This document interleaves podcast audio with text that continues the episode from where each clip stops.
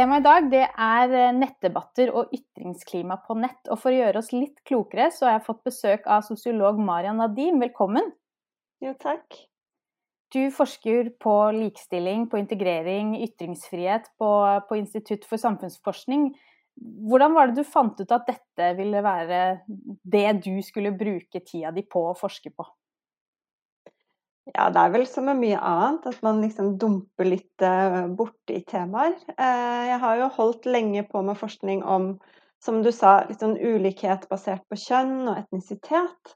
Um, og så ble det plutselig mye mer politisk oppmerksomhet om dette temaet med hatytringer. Um, og jeg jobber jo på et oppdragsforskningsinstitutt, så vi er jo avhengig av prosjekter uh, med prosjektfinansiering. Men når det begynte å komme forskningsprosjekter om hatytringer, så syns jo jeg det var veldig spennende, for jeg syns det kobla seg fint til temaer som jeg har jobbet med tidligere.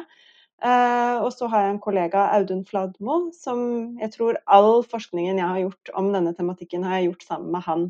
Men han kommer fra en litt annen kant. Han er statsviter og har jobbet mye med ytringsfrihet. sånn at følte vi to ble en god kombinasjon da, inn på dette. Han fra litt sånn ytringsfrihetssida, og jeg litt mer fra sånn diskriminering, ulikhet, eh, kjønn og etnisitet.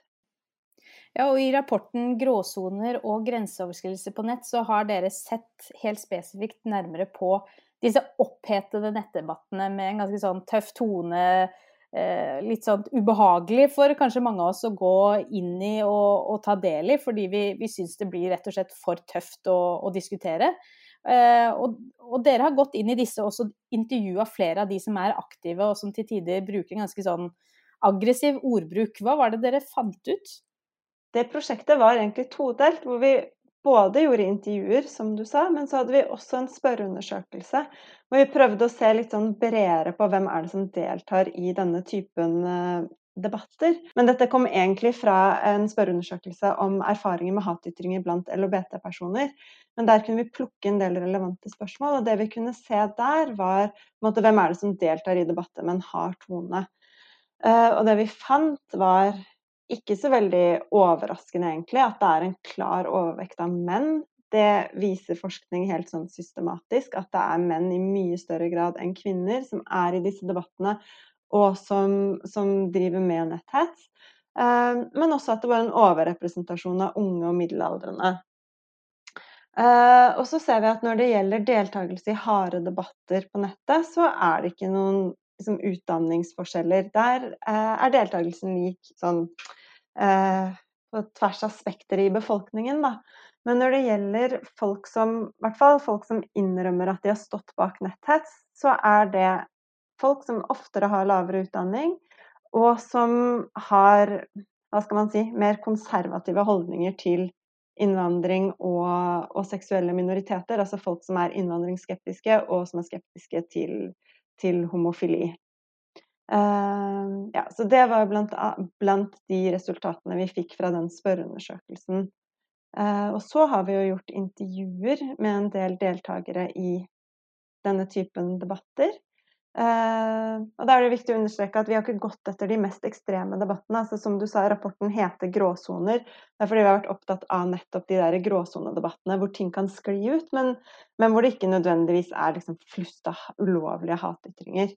Uh, og blant annet der så ser vi jo at folk går inn i de debattene med veldig ulike prosjekter. Og det var også litt viktig for oss å fange opp. Det er en liten studie. Vi har, vi har intervjuet ni debattanter men var veldig opptatt av å få en bredde blant de.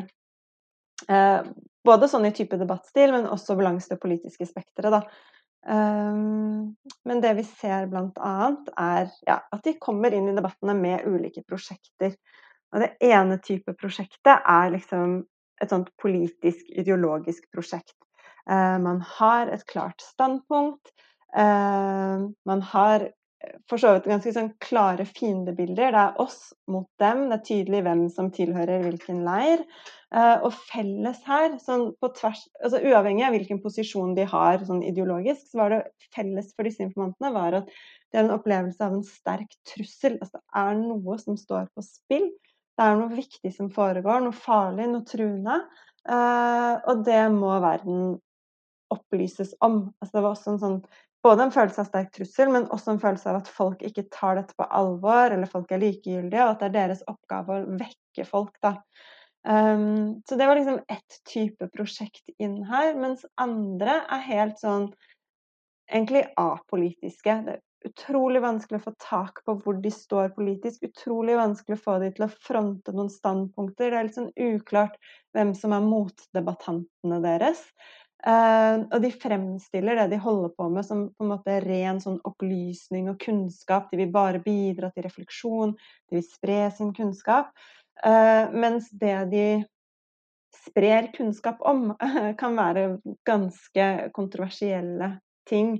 Uh, og, som, og, som, mange vil mene at det er dypt ideologisk og politisk. Men, men de fremstiller måte, prosjektet sitt på en helt annen måte, som en veldig sånn nøytral kunnskapsspredning. Uh, og så ser vi også at for veldig mange så er, det, så er, de opptatt av å være en motstemme inni den offentlige debatten. At den offentlige debatten er veldig konsensuspreget, veldig ensidig.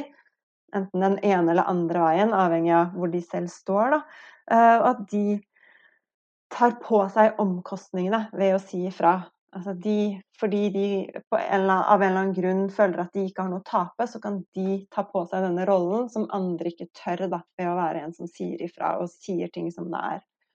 Um, og til slutt så ser vi jo også at, at det er et element av måte, underholdning og tidsfordriv her. Altså de, de liker jo å debattere.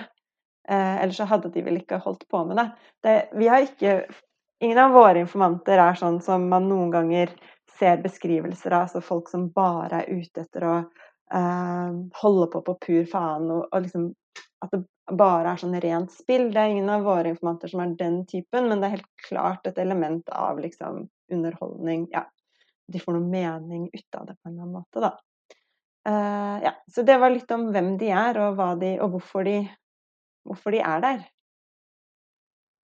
Ja, og hvorfor de er der. Altså, de har jo tydeligvis en, en, en, klar mål med det de skal. Altså, de skal prøve å bringe fakta inn i debatten, de skal prøve å overbevise. Men hvordan legitimerer de da denne her aggressive språkbruken, som jo skyver folk kanskje i større grad unna enn det de skulle ønske, eller er det det de faktisk ønsker? Nei, altså det er jo et godt spørsmål. Det, eh, det var jo veldig viktig for oss å prøve å grave litt i det. Hva, hvordan er det de selv forklarer det de holder på med? Og det henger jo litt sammen med disse prosjektene deres. Da, for en type legitimering er litt sånn Den har jeg kalt 'i krig er alt lov'. Uh, og det er jo basically at for måte, de politisk uh, engasjerte informantene, de som deltar i disse debattene med sånn klare fronter, så, så arter debatten seg som en slags krig, på en måte. Eh, og det er som sagt det er mye som står på spill. Og da legitimerer de språkbruken sin med at eh, liksom, grenseoverskridende språkbruk, aggressiv språkbruk, personangrep, det er greit fordi at kampen de kjemper er så viktig at det legitimerer det. Eh, og rettferdiggjør det. Eh, det er nødvendig med hard skyts for å nå gjennom. Uh, ja, for å nå gjennom og for å vekke folk. Og så er det litt sånn Og dessuten så fortjener ikke motstanderen noe bedre. Det er en litt sånn sånn type uh, logikk. Men samtidig så ser vi at også litt sånn utover de her Utover denne tanken om debatten som en krig, da, som, som legitimerer harde virkemidler, så ser vi at en debatt er jo på en måte det, det, selv om ikke man ser på det som en krig, så oppfattes det som en slags kamp eller et spill. Og hvor en sentral spilleregel er at det er lov å svare med samme mynt. Det er en sånn titt for tatt-logikk. Eh, og det vi ser, er at de veldig gjerne begrunner egen debattatferd med det andre gjør. Sånn de sier at jeg senker meg bare ned på motstanderens nivå. Altså jeg har på en måte mine idealer for hvordan en debatt burde være, men hvis de If they go low, I go lower, eh, er på en måte logikken der, da. Eh, så de skylder sånn sett på motdebattantene. Og, de, og, så ser de på egen liksom, språkbruk som en sånn rettferdig gjengjeldelse på andres angrep. Eh, eller de kan mene at, at siden nivået på debatten er så lavt, så må man bruke sånn harde virkemidler for å nå gjennom, gjennom støyen. Men det som er felles på, på en måte disse her logikkene, da, både dette her med en sånn forståelse av krig og en sånn svare med samme mynt, er at de kan fint innrømme at det de gjør, ikke er noe særlig. Så de kan kalle det usaklig, ufint. De kaller det jo å synke lavt. Altså de, de, de, snakker om det på den måten. Altså jeg senker meg, men jeg senker meg bare ned til andres nivå. Mens en sånn tredje eh, type begrunnelse det er litt sånn begrunnelse i anførselstegn, fordi at en tredje kategori her er de som mener at ikke de gjør noe gærent. Eh, som mener at de bare kommer med ren, nøytral informasjon. Eh, de skjønner ikke hvorfor de får kommentarer slettet, de skjønner ikke hvorfor andre reagerer på det de sier. De, eh, i den grad, altså Når vi prøvde litt å konfrontere dem med ting de hadde skrevet, så, eh, så nedtoner de veldig språkbruken sin, og de nedtoner veldig virkemidlene de bruker. Da. Uh, og det tenker jeg er i hvert fall sånn det, det, er litt interessant med det, for vi ser at det er en del av disse informantene som, som kommer med ganske ytterliggående påstander, men pakket inn i et veldig sånn saklig, faktapreget språk. Da. Uh, og det er jo en av disse informantene som sier det selv, altså en som tilhører ytre høyre, kan man trygt si. Ganske langt ute, langt ute der. Uh, og som sier at nei, men folk reagerer ikke på hva jeg sier, for jeg sier ting på en annen måte. Og så sier hun jeg tror ikke de egentlig skjønner hva jeg sier. For hun opplever å slippe unna med så mye, da. Uh, og det syns jeg er egentlig utrolig sånn, betegnende at liksom avsenderens språkføring og språkmektighet uh, har litt å si for hvordan vi tolker budskapet. Eh, når ting skrives med capslock og masse skrivefeil, så, så, tolker vi det litt raskere inn i en sånn usaklig, hetsende tone, kanskje. Mens noen av disse andre ytringene kan være vel så problematiske, men litt sånn vanskeligere å få ordentlig tak på, fordi de fremstår så faktapregete, da. Men det er i hvert fall litt sånn tre typer sånn legitimering som da kommer fram. Litt den her 'i krig er alt lov', eller 'jeg svarer bare med samme mynt'. Eller denne siste som er litt sånn Jeg kommer jo bare med nøytral informasjon. De som dere har snakket med, eh, hvordan er det de ser på seg selv? Er det helt ulike måter å se på seg selv? For det er jo veldig lett for, for mange i en sånn debatt å klistre merkelapper på, på en debattmotstander som man syns er ubehagelig, men, men, det er ikke sikkert man ser på seg sånn selv. Mm. Ja, og da er det veldig viktig for meg å understreke at det vi det jeg mener at dette prosjektet handler om, er folk som deltar i opphetede debatter på nettet. Og det er jo sånn vi også har tatt kontakt med dem. Altså jeg har vært veldig opptatt av at vi nettopp ikke skal måtte, stemple dem. Uh, dette er folk som deltar i opphetede debatter. Uh, en type debatter som gjerne er veldig aggressive, og hvor det kan være mye sånn grenseoverskridelser. Og dette er debattanter som på en eller annen måte selv også kan krysse grensa for hva man normalt anser som akseptabelt. Da. Og som sagt, så altså det er ingen av de som ser på seg selv som på en måte nettroll eller hater eller no, sånne type begreper tror jeg de ville tatt veldig sterk avstand av. Det er virkelig ikke en del av deres selvforståelse. Men som jeg var inne på, så er det jo eh, noen av de som godt kan innrømme at de bruker harde virkemidler, og at de bruker virkemidler som de selv syns er ufine og lite konstruktive og ikke-ideelle. på en måte, sånn at eh, En del av informantene kan nok gå langt i å innrømme det, eh, mens da noen av de har virkelig en selvforståelse av at uh, de ikke er i nærheten av den type ja, kategori i det hele tatt. da. Det er jo utrolig mange karikaturer på disse nettdebattantene, men ut fra det dere har funnet ut, er det noen av disse klassiske mytene vi kan knuse med en gang? Eh, ja, altså ting blir jo ofte mer nyansert når man snakker med folk, da. Eh, men det vi ser f.eks. fra spørreundersøkelsen, er jo at ja, personer med eh, lavere utdanningsnivåer er overrepresentert blant eh, de som f.eks. står bak netthets. Men det er absolutt ikke bare den gruppen. Altså de er, de er, litt overrepresentert. Det er litt flere av dem. Eller ja, altså de er litt overrepresentert, men, men, det betyr også at det er veldig mange som man heller ville kalt ressurssterke, som også er i den, den gruppen. Det tenker jeg er litt sånn et viktig poeng å ha med seg. Denne her marginaliserte altså Denne karikaturen vi gjerne har av liksom en middelaldrende mann i en kjellerleilighet eh, i Østfold et eller annet sted, og som ikke har noe som helst eh, å holde på med utenom å sitte og spre dritt på nettet. Eh, den, den forestillingen føler jeg blir litt sånn utfordra av av funnene våre, da. og så ser vi jo også dette her Det er jo også en veldig sånn klar forestilling opplever jeg, sånn når vi snakker om denne tematikken, at du har på en måte haterne på den ene siden, og så har du ofrene på den andre siden. Og det vi ser, er jo at i stor grad så er det en sånn dynamikk her, hvor folk som deltar i denne type debatter, er eh, både, av, hva skal man si, både avsendere og mottakere av eh, trakasserende og hatefulle ytringer. Altså det blir en sånn gjensidig dynamikk. Eh, men jeg også tenker at det er greit å ha litt sånn oppmerksomhet rundt, som vi ofte ikke eh, tenker så mye over. Um, ja, så det er i hvert fall to sånne typer myter som jeg tenker uh, har blitt litt avkreftet. Vi var overrasket over hvor stort overlapp det var i den spørreundersøkelsen mellom folk som sier at de har blitt utsatt for, eh, for uh, nedsettende kommentarer Nå husker jeg ikke akkurat formuleringen vi bruker, men hatefulle ytringer eller noe sånn trakasserende kommentarer. Altså hvor stor overlapp det er mellom folk som har opplevd det, og folk som selv innrømmer å stå bak det. Det betyr jo ikke at det alltid er sånn, ikke i det hele tatt, men det er også en del av dette bildet. Ja, og for alle oss som, som, lever i en såpass digital offentlighet som vi gjør i dag, vi, vi, må jo forholde oss til dette nesten uansett om vi vil eller ikke.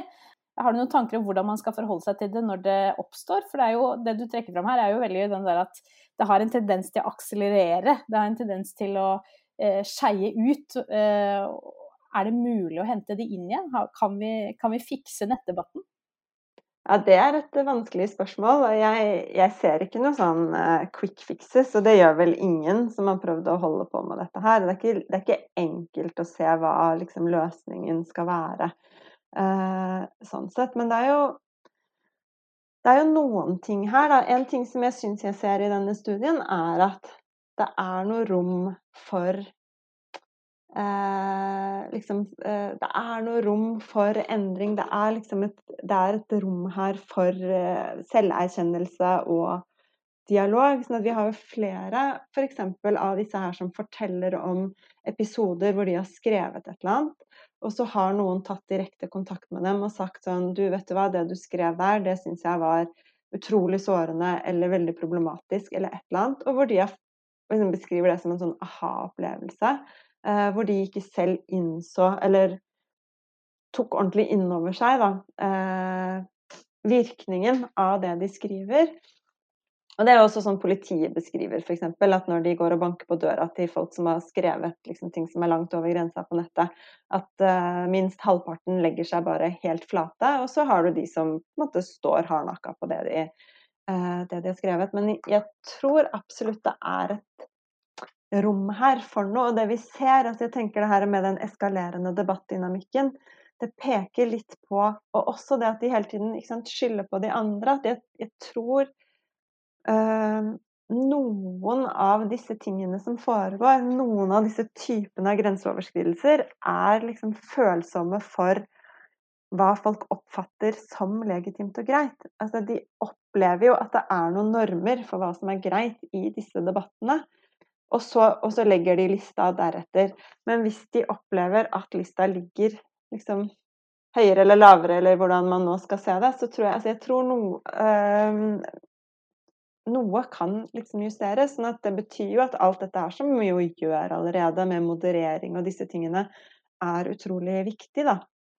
Eh, en ting som vi skriver bitte litt om i rapporten, og som jeg har tenkt mye på, er at det er, liksom, det er forskjell på grenseoverskridende språkbruk, eller grenseoverskridende liksom, uttrykksformer, hvordan man velger å ordlegge seg, og grenseoverskridende meningsinnhold. Altså det som egentlig handler om hva du mener, eller oppfatningene dine. Og mitt inntrykk liksom, gjennom disse intervjuene er at nettopp når det gjelder sånn språkbruk, eh, så er det mye mer rom for erkjennelse av at den språkbruken deres er problematisk, f.eks. Det er mye lettere å kunne snakke med dem om det. Sånn Ja, det var kanskje ikke så heldig formulert. Ja, nei, jeg burde kanskje ikke sagt det sånn. Um, uh, og at det er mye mer rom der for å liksom skape noe endring. Da, og at den type altså Også at liksom språkbruken og hvordan man ordlegger seg, er liksom følsom for hva man opplever at er legitimt i en sånn bestemt kontekst. Uh, mens når det gjelder grenseoverskridende måte, meningsinnhold, det som handler egentlig mer om ja, holdninger eller oppfatninger, verdenssyn, ideologi, der opplever jeg at det, det er mye mindre rom for noe manøvrering, da. Eh, der er det veldig mye Der skal det mye mer til for de å, å se på det som noe problematisk. Altså se på holdningene sine som noe problematisk, mens de kan godt si at nei, jeg burde ikke jeg burde ikke ordlagt meg på den måten, eller ja, selvfølgelig var det ikke så lurt å, å liksom true med ja, det ene og det andre. Altså, Institutt for samfunnsforskning har jo fulgt denne type tematikk gjennom flere rapporter de siste årene. Også denne rapporten som dere skrev eh, helt konkret om hvor utbredt hets er eh, overfor LHBTI-befolkningen spesielt. Kan vi si noe om hvor utbredt dette er? Altså hvor mange som opplever seg både krenkete og som har opplevd dette. Du var jo kort innpå det, at det er mange på begge sider som oppfatter at de har opplevd en språkbruk som ikke er OK. Ja, altså det Vi har jo gjort en del ulike undersøkelser om befolkningens erfaringer med netthets og hatytringer. Eh, altså får vi jo litt ulike tall hver gang, eh, men sånn som jeg husker det nå i farta, så det pleier å ligge rundt sånn mellom 7 og 10% av befolkningen som sier at de har opplevd dette her selv. Eh, og så ser vi at eh, blant LHBT-personer så var andelen betraktelig høyere. Um, og også betraktelig flere i den gruppen som, som sier at de har mottatt trusler, f.eks. Så det er åpenbart en gruppe som, som er mer utsatt da, enn befolkningen ellers. I denne, denne, siste rapporten vi skrev, så var jo fokuset på en måte det motsatte. Vi har jo stort sett pleid å forske på de som mottar. Denne gangen så skulle vi over på andre siden og se på liksom avsenderne. Og i spørreundersøkelsen der så finner vi, eh, med bruk av litt sånn ulik, med ulike måter å måle det på, så ender vi opp på at det er liksom 1-2% av befolkningen som i hvert fall i denne undersøkelsen og med disse spørsmålsformuleringene sier at de står bak netthets. Så jeg tenker at konklusjonen, i hvert fall fra det siste punktet, er at det er grunn til å tro at det er veldig få som holder på med dette, men de kan fort bli veldig synlige. Og det er noe med liksom hele nettets logikk, og hvor lett det er på en måte å bli synlig selv om, uh, selv om du bare er én. Uh, så det, alt tyder på at det er få mennesker som står bak det. Uh, og når man ser på andre siden, så kan man jo diskutere om man syns på en måte 7-10% om det er mye eller lite, om det er mange eller, eller, få som har opplevd dette direkte. Men det vi ser, er i hvert fall at det er veldig mange som rapporterer at de har observert denne typen ytringer. Altså, da er vi oppe i 70-80% som sier at de har sett det. Uh, så det er på en måte et marginalt fenomen, og på en måte et, et veldig bredt fenomen. Da, litt, litt ettersom hvordan du ser det. Jeg skal avslutte med et spørsmål som jeg stiller til alle som vi har eh, som gjest. Og det er hvis du skulle gitt ett råd til noen som stiller til valg for første gang, hva skulle det vært? Ja, nå må jo jeg uh, gi råd basert på mitt uh, hjørne av verden og, og min, min, forskning, så da ville det jo vært at det opplever du noe sånt som dette, altså blir du plutselig eh, skyteskive, eller får du eh, meldinger som du syns er ubehagelige, så vil jeg si ikke tenk at det er noe du burde tåle. Eh, jeg tenker at det meste av forskningen også viser jo liksom at de som har støtte rundt seg, eh, takler dette bedre enn andre. Og jeg syns det er veldig skummelt hvis man får et politisk landskap hvor det bare er de som tåler eh, mye som blir igjen. Sånn at for det første så Nei, vet du hva, jeg klarer ikke å bare gi ett råd. Jeg vil si for det første, husk at dette er Det er ikke sånn at alle opplever det. Det er ikke sånn at det er sånn at med en gang du går inn i politikken, så risikerer du massive mengder hets. Sånn er det heldigvis ikke. Noen får mye, noen får ingenting. Noen opplever det en gang iblant. Hvis du opplever det, eh, så ville jeg sagt søk støtte. Det er ikke og ikke tenke at det er noe du liksom må tåle, eh, eller at det er liksom en del av spillet. Det trenger det ikke å være. Og så vil jeg si til partiorganisasjonen at jeg tenker det er utrolig viktig som organisasjon å ha en kultur for at dette ikke er noe folk trenger å tåle å stå i alene. Da. At man bygger opp en kultur for at det er greit å snakke om disse tingene og, og ta opp stort og smått av uh, ubehagelige opplevelser, og at man opplever å få støtte på det. Tusen takk for at uh, du tok deg tida til å, å gjeste oss og, og dele dine tanker med oss.